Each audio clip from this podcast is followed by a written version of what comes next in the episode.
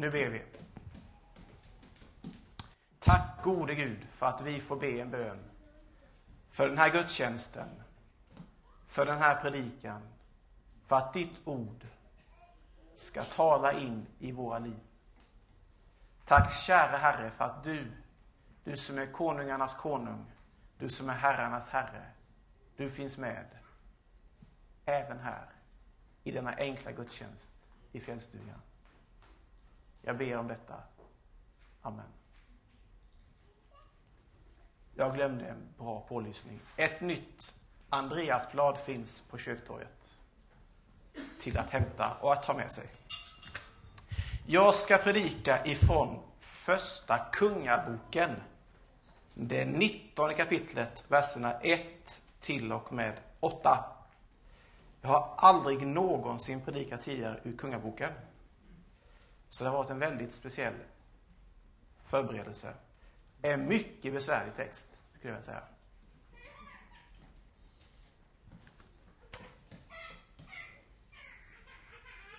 Achav berättade för Isabel allt vad Elia hade gjort och hur han hade dödat alla profeterna med svärd. Då skickade Isabel bud till Elia och lät säga Gudarna må straffa mig nu och framgent om jag inte redan imorgon låter dig möta samma öde som dessa profeter. Elia blev rädd och flydde för sitt liv. Han kom till Bersheva i Juda, där han lämnade kvar sin tjänare. Själv gick han vidare en dagsled ut i öknen. Och efter vandringen satte han sig under en ginstbuske och önskade sig döden. Det är nog, sa han. Ta mitt liv, Herre, jag är inte bättre än mina fäder. Han la sig ner, somnade där under ginstbusken. Då kom en ängel och rörde vid honom och sa, stig upp och ät. När Elias såg, såg upp fick han se en glödkaka och ett krus med vatten vid huvudgärden. Han åt och drack och la sig att sova igen. Herrens ängel kom en andra gång och rörde vid honom. Stig upp och ät, sa han, annars orkar du inte hela vägen. Elias steg upp och åt och drack. Och måltiden gav honom kraft att gå i 40 dagar och 40 nätter ända till Guds berg i Horeb. Ja, alltså första kungaboken. Vad vet vi om den här bok? Ja, det är inte sådär väldigt jättemycket kunskap bakom vem som har skrivit, hur det kom till, varför det kom till. Ehm, och men vår gudstjänst idag har temat Den kämpande tron. En liten berättelse för att förklara detta. Jag har vid tre tillfällen åkt eh, Vasaloppet, öppet spår på söndagen, som idag. Det är ingen trevlig upplevelse faktiskt. Det är någonting man gör mer av plikt än av glädje. Jag och Håkan har åkt tillsammans. Och vi är väl ungefär på samma nivå. Eh, en, en som är med i församlingen här alltså. Och det är så här att när man kommer till den första stationen att dricka så finns det ingenting att äta där. Utan det finns bara att dricka. Vatten eller sportdryck. Och den sista gången nu var jag så otroligt hungrig. Jag åkte vid halv fyra ifrån Mora på morgonen, så jag var ju trött och hungrig. Och kommer dit och det var minus 30 grader. Så det här går ju inte, så jag får ju dricka jättemycket för att få i mig någonting i min kropp. Och åker vidare till nästa station och där har de bullar. Halva såna här eh, bullar. Jag äter nog åtta, tror jag, såna här bullar. Vilket som får till följd att jag får väldigt ont i magen. Ja, jag var inte dåligt tränad. Jag hade åkt ganska mycket. Men vilken resa jag fick alltså. Usch. Ja, en timme satt jag i Evertsberg. Satt på en stolpe där, var helt utslagen. Så tar jag mig vidare. Och så kommer man liksom på något sätt närmare, man ser att det är 32 kilometer kvar. Underbart, tänker man. Och det verkar i händerna, jag har skavsår på händerna så här. Tänker det här 32 kilometer. Och så kommer jag och kommer till nästa station. Nu är jag ju hungrig, tänker jag, så det är i med ännu mer bullar. Och sportdryck. Ja, jag blir bara ännu tröttare. Och kommer till den sista stationen. Och där har de kaffe. Då har alla sagt att drick kaffe där. Det har jag aldrig gjort innan. Men jag provar detta. Till följden blir att jag får någon form av katastrofont i hela kroppen av det här kaffet. Så att den här kampen, alltså ifrån mil 1 till mil 89 kilometer, och det är en kilometer kvar, då börjar jag se glädjen. Då tänker jag, när det är en kilometer kvar, tänker jag, nu klarar jag detta. När jag ser Moraklockan där vid, nu är det nära, nu kan jag inte bryta. Alltså när det var fem kilometer kvar tänkte jag, nu bryter jag. Men det gjorde jag inte.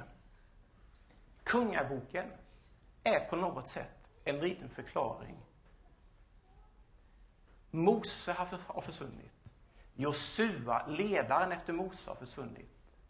De har kämpat i över 40 år för att komma till sitt land. Då dör Mose. Då kommer det en ny ledare. Och när ledaren försvinner där, då kommer det profeter. Och när profeterna försvinner, då tänker man, vi måste ha någon ledare. Kungarna. Därav benämningen Kungaboken. Det är alltså en benämning av kungar som går in och leder landet i styrande frågor, i frågor om hur de ska förhandla detta. Och då är det ju så väldigt bra att Mose har via Gud redan förmedlat hur kungarna ska vara. Det ska vara en man som Herren väljer ut. Det är alltså kungen. Det ska vara en landsman, alltså en jude, som ska vara ledare över det här landet. Och den här kungen måste hålla sig till lagen. Det är tre väldigt tydliga punkter för att vara kung.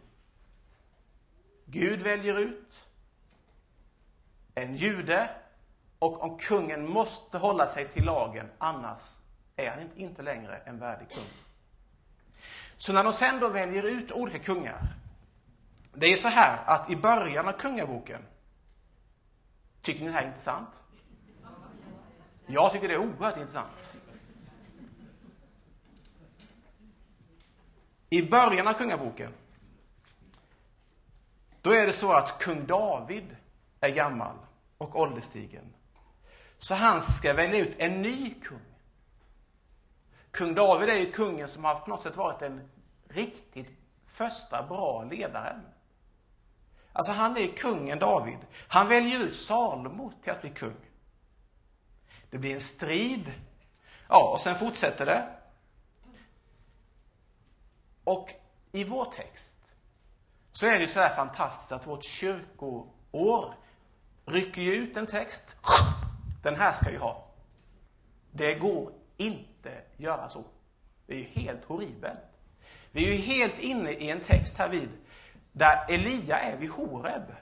Och så bara bryter de av texten fullständigt i vers 8. Alltså det borde vara straffbart faktiskt. För att fortsättningen på texten, det är ju där det intressanta kommer. Lyssna nu. När han kom fram gick han in i en grotta och stannade där över natten. Då kom Herrens ord till honom. Varför är du här, Elia? Han sa, jag har gjort mitt yttersta för Herren, härskarornas Gud. Israeliterna har övergett ditt förbund, rivit ner dina altaren och dödat dina profeter med svärd. Jag är ensam kvar och nu står de efter mig. Herren sa, gå ut och ställ dig på berget inför Herren. Herren ska gå fram där. En stark storm kom som klöv berg och krossade klippor, gick före Herren. Men Herren var inte i stormen. Efter stormen kom ett jordskalv, men Herren var inte i skalvet. Efter jordskalvet kom det en eld, men Herren var inte i elden. Efter elden kom det ett stilla ljus, stilla sus. När Elia hörde det gömde han ansiktet i manteln och gick ut och ställde sig vid ingången till grottan. Då ljöd en röst som sa Varför är du här, Elia? Han svarade, jag har gjort mitt yttersta för Herren, härskarornas Gud. Israeliten har övergett ditt förbund, rivit ner dina altaren och dödat dina profeter med svärd. Jag är ensam kvar. Och nu står de efter mitt liv. Alltså det här är ju oerhört intressant. Och det får vi inte med tack vare kyrkoåret här. Så det ni har hört nu, det får inte ni höra egentligen. Kommer det en kontrollant ifrån kyrkoåret och säger nej, vi hörde inte detta.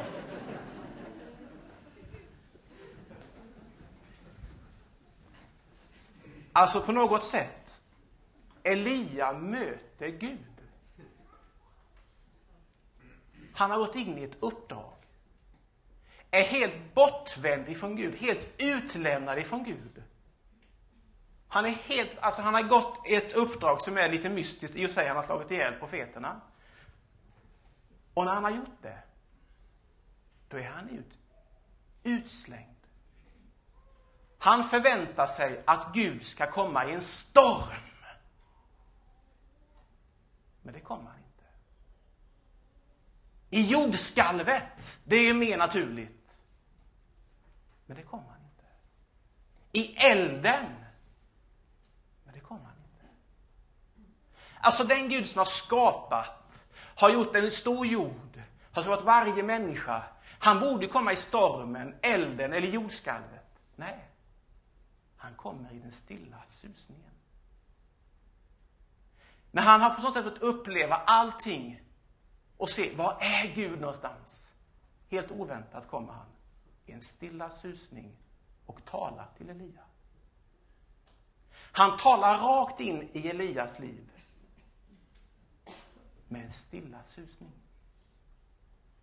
Kampen, 40 år av liv, vandring i öknen, misstroende, död, ja, stridigheter.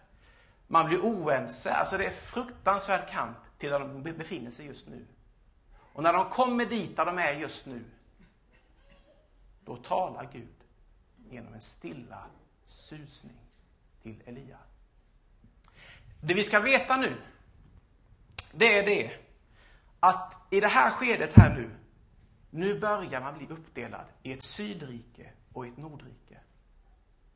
Nu blir folket oense här vid, nu är det, alltså nu är det riktigt oense. Nu är det strid om, om vem som ska leda, vem som ska ha för sig och man ser, ja, mycket märkligt är det nu det blir stridigheterna i, i nord och syd och mellan varandra. Och i den situationen så kommer Gud och talar i en stilla susning.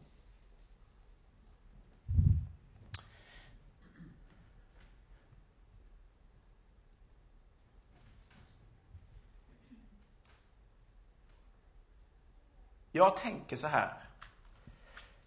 Flera av oss här inne är med om kamp på många olika sätt. Flera av oss här inne har vänner, släktingar, kanske föräldrar som har genomgått svåra skilsmässor. Kanske vi själva har gjort det. Vi har genomlevt mobbing under skoltiden. Utanförskap i församling. Att inte vara en del av gemenskapen. Att inte känna sig hemma i sin egen kyrka, där föräldrarna kanske är med. Att känna kampen, mina, mina barn går inte till kyrkan. Att känna känslan, jag är inte gift, alla andra är gifta. Att känna känslan, jag har inget högt avbetalt jobb. Jag har inget, ingen hög tjänsteman eller en hög position. Eller känna känslan, här har jag en utbildning, ett jobb. Och jag trivs inte med det. Eller en vanlig del, man går i pension. Vad händer nu? Var är min stans någonstans? Eller känslan, man flyttar in på det sista vårdhemmet på något sätt. Man lämnar sitt hus eller sin lägenhet. Eller barnfamiljen som funderar, är mitt barn riktigt friskt? Hur är jag som förälder? på någonstans så befinner vi oss alla i olika kamper. Kamper som kanske kan liknas vid den 40-åriga vandringen för folket. Kamper som kan liknas vid att vi blir stridigheter inom oss själva. Finns det en Gud? Här sitter jag och kämpar med detta. Finns det en Gud? Här genomlider jag detta. Finns det en Gud? Vem är den här guden? Och man ber, man ber om eldskrift på väggen. Man ber om ett tydligt tecken. Man ber om en tydlig signal. Och man förväntar sig profetiska ord. Man förväntar sig en bibeltext. Man förväntar sig en hälsning.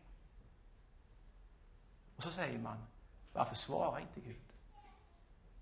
Varför svarar inte Gud rakt in i min situation? Då kan det som kyrkåret inte hade med mötet med Gud för Elia visa oss en väg. Gud svarade inte som han trodde när han svarade i den stilla susningen. Han kan svara dig och mig där vi befinner oss just nu på ett sätt vi inte har förväntat oss. På ett sätt vi inte på något sätt har tänkt innan. Vid ett tillfälle skulle jag och en kompis göra ett väldigt stort avgörande beslut, tyckte vi. Vi skulle ha ett ungdomsläger på Hjortsbergagården. Eh, och, jag, och då sa vi det, vi måste ha ett tecken för att veta om det här är rätt. Och om Gud vill göra detta, då kan han ju imorgon när vi kommer upp till det här rummet, under den här duken, då kan det ligga två stycken ägg här. Ja, det är helt sant. Vi är båda pastorer, han och jag idag. Man kan fråga hur de tänker i Missionskyrkan. Ja, så var det. Vi bad riktigt hårt där alltså. Om du nu vill detta Gud, då kan du imorgon komma med två ägg och lägga under den här duken. Ja. Och vi trodde på det. Och sen gick Gustav upp på morgonen sen. Inga ägg. Ja. Så då tänkte vi, är det inte rätt, då gör vi inte detta. Men så fick vi en, upp, en tanke. Varför skulle Gud vara emot detta? Och då tänker jag så här. När vi ber till Gud och han svarar inte. Tänk så här. Varför skulle Gud vara emot dig? Han ger dig en tydlig hälsning i Jesus Kristus. Och det Jesus säger i död, i liv, det är just orden. Jag älskar dig. Det han sa till Elia där i den stilla susningen på ett sätt som man inte hade förväntat sig. Det är just detta. Jag älskar dig. Jag ser ditt liv. Jag har sett vad du har gjort. Jag älskar dig. På samma sätt är det till dig, där du befinner dig i din kamp. Jesus säger till dig, jag älskar dig.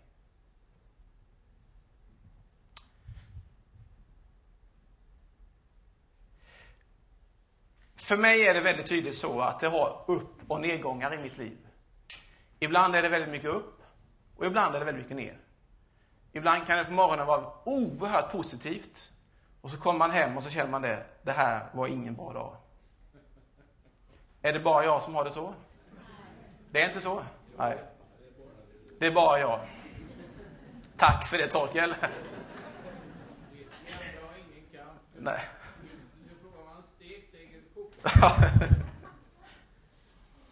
Och då är det så här att mitt liv på många sätt ryms i Bibeln. Man säger det. Det var väldigt bra det, det, det Siv sa idag. För mig blir Saltaren en sån bönebok som ryms i mitt liv? Eller som på något sätt där jag får komma med mitt liv, jag ryms i det livet. Här kommer det en, en, en psalm som är positiv. Mitt hjärta brusar av härliga ord. Jag sjunger en sång till kungens ära. Min tunga är snabb skrivares penna. Skönast är du bland människor. Oh, vad underbar! Vilken psalm. 45.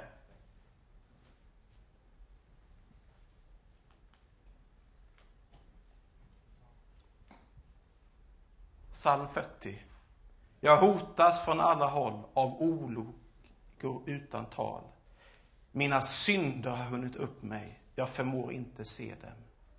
Det är fler än håren på mitt huvud och modet sviker mig. Glädje först och ångest sen. Herre, hör min bön och lyssna till mitt rop. Alltså på något sätt så är det så här att jag får komma och be och i bönen i saltaren där får jag känna du är älskad Johan. Jag ryms med alla mina brister, med alla mina problem i Saltaren som bönebok. Och i Saltaren som bönebok, det är där jag får känna just detta. Jag är älskad precis som den jag är. En, en utmaning till dig och mig nu. Det är detta att ibland så lägger vi skuld för saker och ting på Gud. Han säger, han svarar inte. Han finns inte. Jag har sökt honom under hela min uppväxt. Han finns inte. Jag har försökt. Han finns inte. Jag har försökt komma in i, i församlingen. Han finns inte. Gud talar på ett sätt där han har gett dig en egen kraft och en egen vilja. Det är det största beviset att han älskar dig. Sen behöver vi göra bättring ibland. Om vi som församling inte öppnar upp oss, säg det till oss. Men du är på ett sätt Elia. Du är den som kan gå i Herrens fotspår och visa vägen för andra med mötet med Jesus Kristus. Det är den kämpande tron. När jag åkte Vasaloppet så är det så här att de här nio milen av blod, svett och tårar och nära till kräkningar gav mig en erfarenhet jag inte skulle vilja vara utan. Kampen att känna att jag tog mig det igenom det. Det gav mig så mycket mer än att jag hade stigit av i Evertsberg. Samma kamp när vi befinner oss i dödsskuggans dal, i kampen mellan död och liv. Det kan i efterhand ge oss en stor menighet där vi tänker, när jag inte, ja, när det hände, då var det kamp. Men nu kan jag se tillbaka på det som att jag lärde mig någonting. Det är den kämpande tron. Den kämpande tron innebär, Jesus viker inte av ifrån dig. Han finns med där genom död till liv. Den kämpande tron innebär, jag har sett dig, jag älskar dig. Den kämpande tron innebär, jag vill vara med dig hela vägen till målgång, till evigheten. Det är den kämpande tron. Amen. Tack Gud för din Ande. Tack för att du talar in i våra liv.